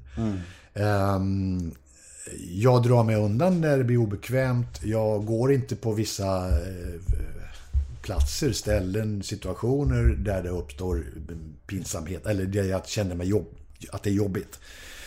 Ehm, jag vet vad det innebär till stor del och sådär. Och det är klart att alla, alla tider på dygnet är det inte, är det inte bekvämt, det kan jag ju säga. Och det är inte mycket liksom eh, glamour och sådär att vara eh, officiell person. Ehm, men, men de allra flesta tycker jag som man möter, både situationer och människor, är ändå eh, ganska okej. Alltså det, de, eh, det, det är ingen större fara så. Alltså. Men jag, det jag skulle önska, och det kommer jag ihåg att jag önskade redan när jag var i början av karriären, då ska man säga. När det började, folk börjar liksom eh, känna igen den och så. Så tyckte jag nog att det skulle vara väldigt behändigt att ha en på och av-knapp. Som man bara kunde... Så. Nu är det ingen som vet vem man är. Nej. Nu får de gärna. När man går på scen till exempel så det, har man ju en, är det ju positivt någonstans om man kan använda det också. Det här med att folk vet vem man är. Ehm, förstås. Och likadant när man ska sälja biljetter kan det ju också vara ja, jo. Såklart. Men det finns ju olika tillfällen och situationer när det, när det kan vara bra och sådär. Men, men, ehm, Men är du sån här som, som, som eh, om folk vill ta en selfie med dig, med dig på stan till exempel med en bild. Är det okej, är det okej eller är det jobbigt? Ja, jag är ganska generös med det ändå. Om, om jag, jag frågar alltid vad ska du ha den till? Eh, och om de kommer med ett tillfredsställande svar så säger jag okej, men då kör vi. Och sen, ja, nej, jag tänkte bara, du vet, lite fejan och lite sånt där va. Jaha, tack ska du ha. Då ses vi en annan gång. Det är roligt. Ja, det är bra. Rimligt. Rimligt. Jo, men så måste det få vara. Ja, Så absolut. Att, herregud, jag måste ju vara... Jag måste ju vara rädd om det här gamla facet liksom. Ja, ja, jag kan, ja, Inte, jag kan inte överexponera det. Det går inte. Va? Inte slö... Det där blir så ung ut. Du vill inte slösa ansiktet på för många selfies. Men är du sån här människa som, vi säger att du ska ut och käka med en kompis och han ska boka bord och han får inte det bordet. Säger du så här, jag tar det här, så ringer du Nej. bara Björn Skifs. Nej, det gör jag inte. Även om jag skulle kanske kunna i vissa Förmodligen fall. sådär. skulle du kunna ja, det. det finns ju några ställen som, jag, där man, som är liksom favoritplace där, man, där de vet vem man är och sådär. Mm, Och då skulle det ju kunna funka. Men jag, jag kan inte för mitt liv tänka mig att gå före i en kö. Även om de står där framme och vinkar. Va? Så Mm. Det, det, det tycker jag är så jävla pinsamt. Och, och dessutom fel. Ja. För att varför ska inte jag... Varför ska jag gå före? Jag, jag, jag kom ju nu. Nej, men jag, fan, det är inte så konstigt tycker jag. Jag tycker det är en sund inställning. Ja, det, jag vet inte, men det, det är bara för mig självklart liksom. Att jag kan inte tränga mig före. Det går inte. Du, jag har ett segment i min podd som heter ett ord om. Det går ut på att jag säger fem stycken offentliga människor i Sverige. Alltså fem kändisar som ofta brukar beröra på något sätt. Och du säger första ordet som kommer i ditt huvud när du hör det namnet. Wop. Är du med? Hoppsan sa det. Ja, vi får se vad, det, vad som händer. Vi börjar då. Ja. Ett ord om. Alex Schulman. Obegriplig. Marcus Birro. Oberäknelig. Sara Larsson. Talangfull. Jimmy Åkesson. Eh, framgångsrik. Leif GW Persson. Myspys. Känner du Leif? Nej. Nej. Nej, det hörs väl. jag har ingen aning. Jag har aldrig träffat honom. Dagens brev lyder så här. Hej Björn, stämmer ryktet att du har tagit droger med kungen på 70-talet? Det beror på vad du menar med droger, säger jag då. Om, menar du champagne eller något sånt där? Eller... Ja. Kokain stod det faktiskt. Nej, för fan! Alltså. Men du har festat med kungen? Ja, i den, mån, i den mån man kan kalla det för festa när de kommer ner kommer bakom scen och säger hej och det kanske blir ett glas champagne och sådär. Så kan det vara. Jag var en gång inbjuden till deras bord. De hade varit på börsen och tittat på en show jag hade. Och sen satt de uppe på någon, någon, i något bås på läktaren där och eh, eh, tillsammans med Säpo-vakter. eh, Förstås. Och det var ett trevligt gäng. De hade haft kul, de hade käkat och donat och, och jättetrevliga allihopa. Det här är länge sedan. Det var 78 tror jag, eller så här, början på 80-talet. Nåväl. ehm, och jag blir inbjuden dit upp då efteråt för att de vill säga tack då för showen och så. Och jag, jag kommer där och lite, jag vet inte, jag är fortfarande svettig eller hur fan det är. Och, nej, det var jag inte, jag hade nog hunnit duscha. Och, ehm, och så ser jag att det står... Jag är alltid hungrig, vrålhungrig efter showen då. då. För jag ät, käkar aldrig innan. Då blir man så tung och konstig i magen. Va? Så att jag äter alltid efter. Jag hade inte hunnit äta någonting. Och då är det både frukt och, och kex och grejer och... och eh, det var så mycket gott på bordet där. va. Så jag tänkte, ja, men jag, jag tar lite så här, lite vindruvor och lite grejer och päron och saker och käkar och pratar med dem och så här. Och det var jättetrevligt var det en stund. Tills jag märker att, vänta, alla har såna här tallrikar framför sig. Och jag, jaha ja, jag trodde att, just det. Det är personliga tallrikar. Jag har ätit av drottningens ostbricka. Och ingen har sagt något, men de hade jävligt roligt, det kan jag säga. Ja, men de, shit. Ja, visst. Så där är jag. En katt bland hermelinerna. verkligen. Du, eh, du har ju valt ett yrke där du Var, ständigt... var det enda frågan? Ja. Det var den enda frågan. Nej men jag brukar... Kokain alltså- med kung. Nej men sa- sanningen är att jag, jag, jag brukar kalla ett av frågorna för veckans brev Men jag har bakat in många Okej. lyssnarfrågor i Okej. vanliga intervjun också Okej. Så det var bara det som jag, det var så kul fråga så jag ville ha det som veckans brev Okej. Eh, Du har ju valt ett yrke som är, ständigt bedöms du Kritiker eh, och så hej och hå liksom Hur är din inställning till kritik och eh, så recensioner och sånt här? Hur- Går, kan, kan, går det rätt in i dig eller rinner det bara av dig? Ibland så tar det ju. Det beror lite grann på hur den är formulerad också, kritiken naturligtvis. Och ibland kan den ju vara taskig. Och inte alltid saklig heller. Utan, ehm, och då, blir jag, då kan jag bli både ledsen och lite förbannad. Ehm, och naturligtvis sur. Men mest blir man väl liksom låg för att det inte har funkat. Men å andra sidan, jag kan inte... Jag kan ju inte tillfredsställa alla. Det, och det är klart att det måste finnas någon här och där som tycker att det jag gör är skit eller halvtråkigt eller ja, vad de, alla måste ju kunna tycka. Men det är klart att jag tycker inte att de ska ha sån, sånt utrymme och sån makt. Det kan jag ibland tycka då. Och speciellt när de liksom eh, har så stora bilder på sig själv, sådana byline-bilder och sånt där. Det kan jag tycka är lite onödigt. Det är viktigare då, deras formuleringar är viktigare än innehållet nästan och sådär. De tävlar i att kunna att formulera sig. Men, men samtidigt så är det ju... eh, Ja, det kan man ju inte heller sticka under stol med. Det är ju jättekul att få bra kritik. Så att jag menar, där är man ju kluven va. Ja, jag förstår det. Sen är frågan om ska det finnas eller inte? Ja, men det kan ju vara vägledning ibland för publiken. Men det vet jag inte riktigt om jag håller med mig själv om att det kan vara det. För att eh, det beror ju på vem som skriver och eh, vad är det med på för humör. Och det är inte alls säkert att det stämmer med den som läser och vad de tycker, sk- borde tycka, eller skulle tycka om de gick och tittade på det. Ehm, jag kommer ihåg när vi var i, i USA så, så eh, en tidning som heter Rolling Stone som är väldigt eh, seriös egentligen musiktidning då. då. Är de största i världen Ja, tror jag. ja och eh, bästa. Ehm, där, eh, de hade skickat ut en recensent till en föreställning med Donny Osmond. Donny och Marie Osmond som var liksom tonårsidoler, jättegulliga artister sådär. Och sjöng- väldigt mycket lalla lalla lalla och sådär va. Och då tänkte jag, what?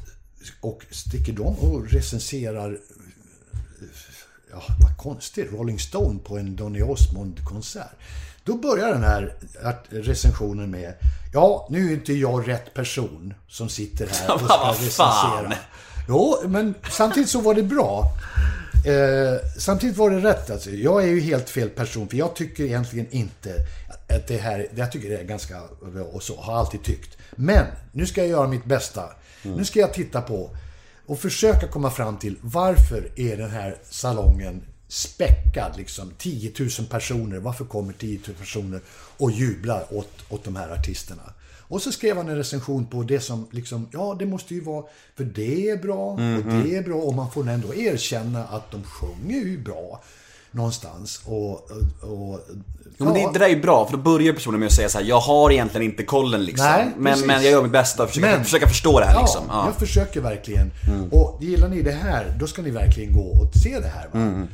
Och det tyckte jag var så jävla ärligt liksom. Det var så schysst. Mm, ja, du har rätt. För att så är det ju verkligen oftast. Alltså, att, recensenterna är ju inte skitintresserade. Jag vet, det finns ju en massa som, som hatar mig som ändå blir skickade av chefredaktören och, och göra det här gigget va, och gå och skriva om mig.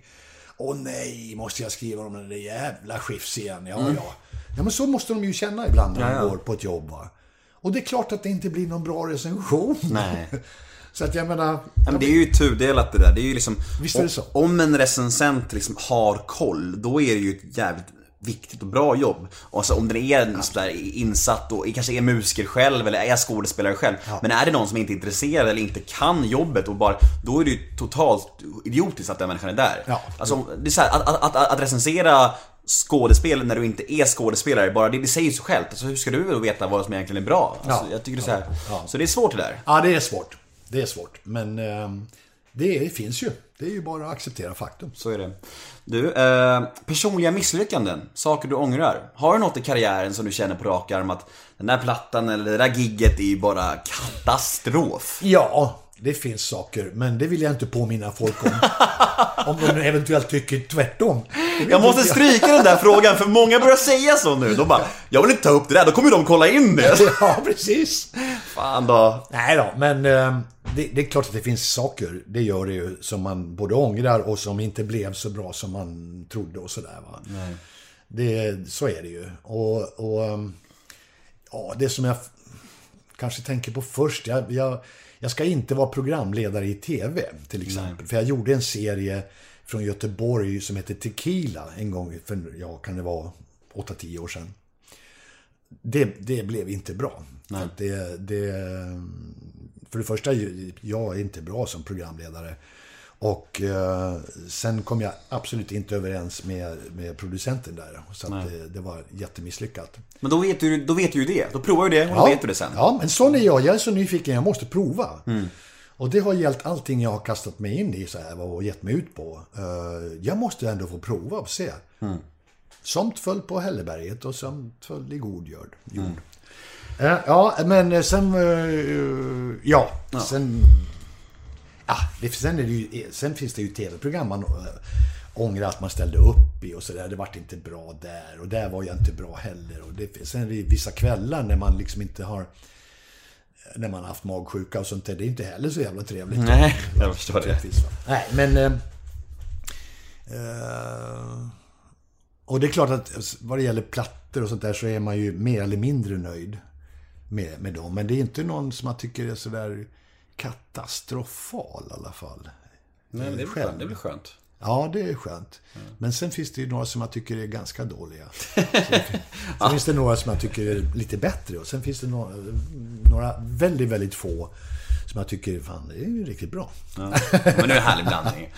Drömmar och framtid då? Alltså du känns ju som en människa som, som har en väldig frihet. Du får göra mycket olika saker och, och, och, och i mångt och mycket så lever du väl ändå din dröm kan man väl säga. Du, Alltså det får man ändå säga. Jo, det, Ha- det håller jag med om. Jag, har du jag, några drömmar och mål kvar liksom som du vill beta av? Jag har ju varit väldigt privilegierad eh, och, och framförallt på senare tid då när, när jag verkligen har fått bestämma själv vad jag, vad jag ska göra och inte göra och sådär. Och eh, i mångt och mycket liksom varit med och producerat själv och sådär och varit med från ax till limpa i de produktioner jag ska göra. Och, så. Så det är ju fantastiskt. Och eh, ja, en del, en- Det är ganska många nu, fler och fler frågar ju när jag ska börja, när jag ska pensionera mig verkligen. Men eh, jag har inte riktigt, riktigt eh, bestämt mig för att jag ska göra det än. Utan, ehm, Men skulle du palla det då? Alltså jag tänker Jag att du inte skulle, skulle bli rastlös. jag är inte säker på att jag skulle klara det riktigt. Nej. Men man kan ju starta en hobbyorkester. Så är det. Det kan man göra. Nej, men ehm, planer och drömmar. Alltså det, egentligen så är det ju att kunna hålla på ungefär så här som jag, som jag har gjort de senaste tio åren då. Att då och då sätta ihop ett sammanhang då med ett band och jag och en publik. Precis så där som jag tycker att, att tillvaron ska vara på scen. Då. Det roligaste min- du vet, liksom. Ja, för min del är det så.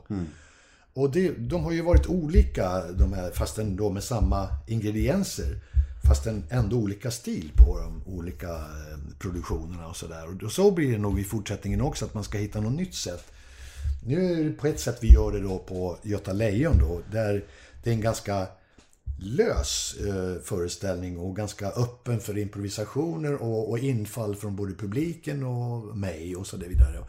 Och en dialog med publiken och allt det där som inte jag har haft förut. Och det har också varit jättetrevligt och en ganska opretentiös föreställning helt enkelt också. Nära, mer nära än vad jag har gjort förut. Och, och sen vet inte jag vart, vart det tar vägen nästa gång. Om det blir något mer. Men, men först och främst så blir det Göta Lejon i höst igen. Då, i, Tillbaka där igen i oktober, november, december i alla fall. Och sen ligger ju livet som en blank kärn framför mig. Så att jag vet inte helt enkelt. In och köp biljetter till Göta Lejon då. Ja, måste, det måste jag. säga till, till Det tycker jag. Ja. Absolut. Och då ska jag också gå på. Ja. Du, jag börjar bli klar. Jag Okej. är, och är väldigt glad och tacksam att jag fick komma hem till dig här, Mm. här på landet. Till ditt hus. Och jag är väldigt, jag tycker det blev bra. Okej. Ja. Och bara du är nöjd. Ja, är du, nöjd? är du nöjd? Hörru. Fan, är du nöjd? Ja, nej men det var ett trevligt samtal. Ja, vad grymt. Jag. Ja. Eh, jag antar att du inte har några sociala medier? Typ så här eh, Instagram eller...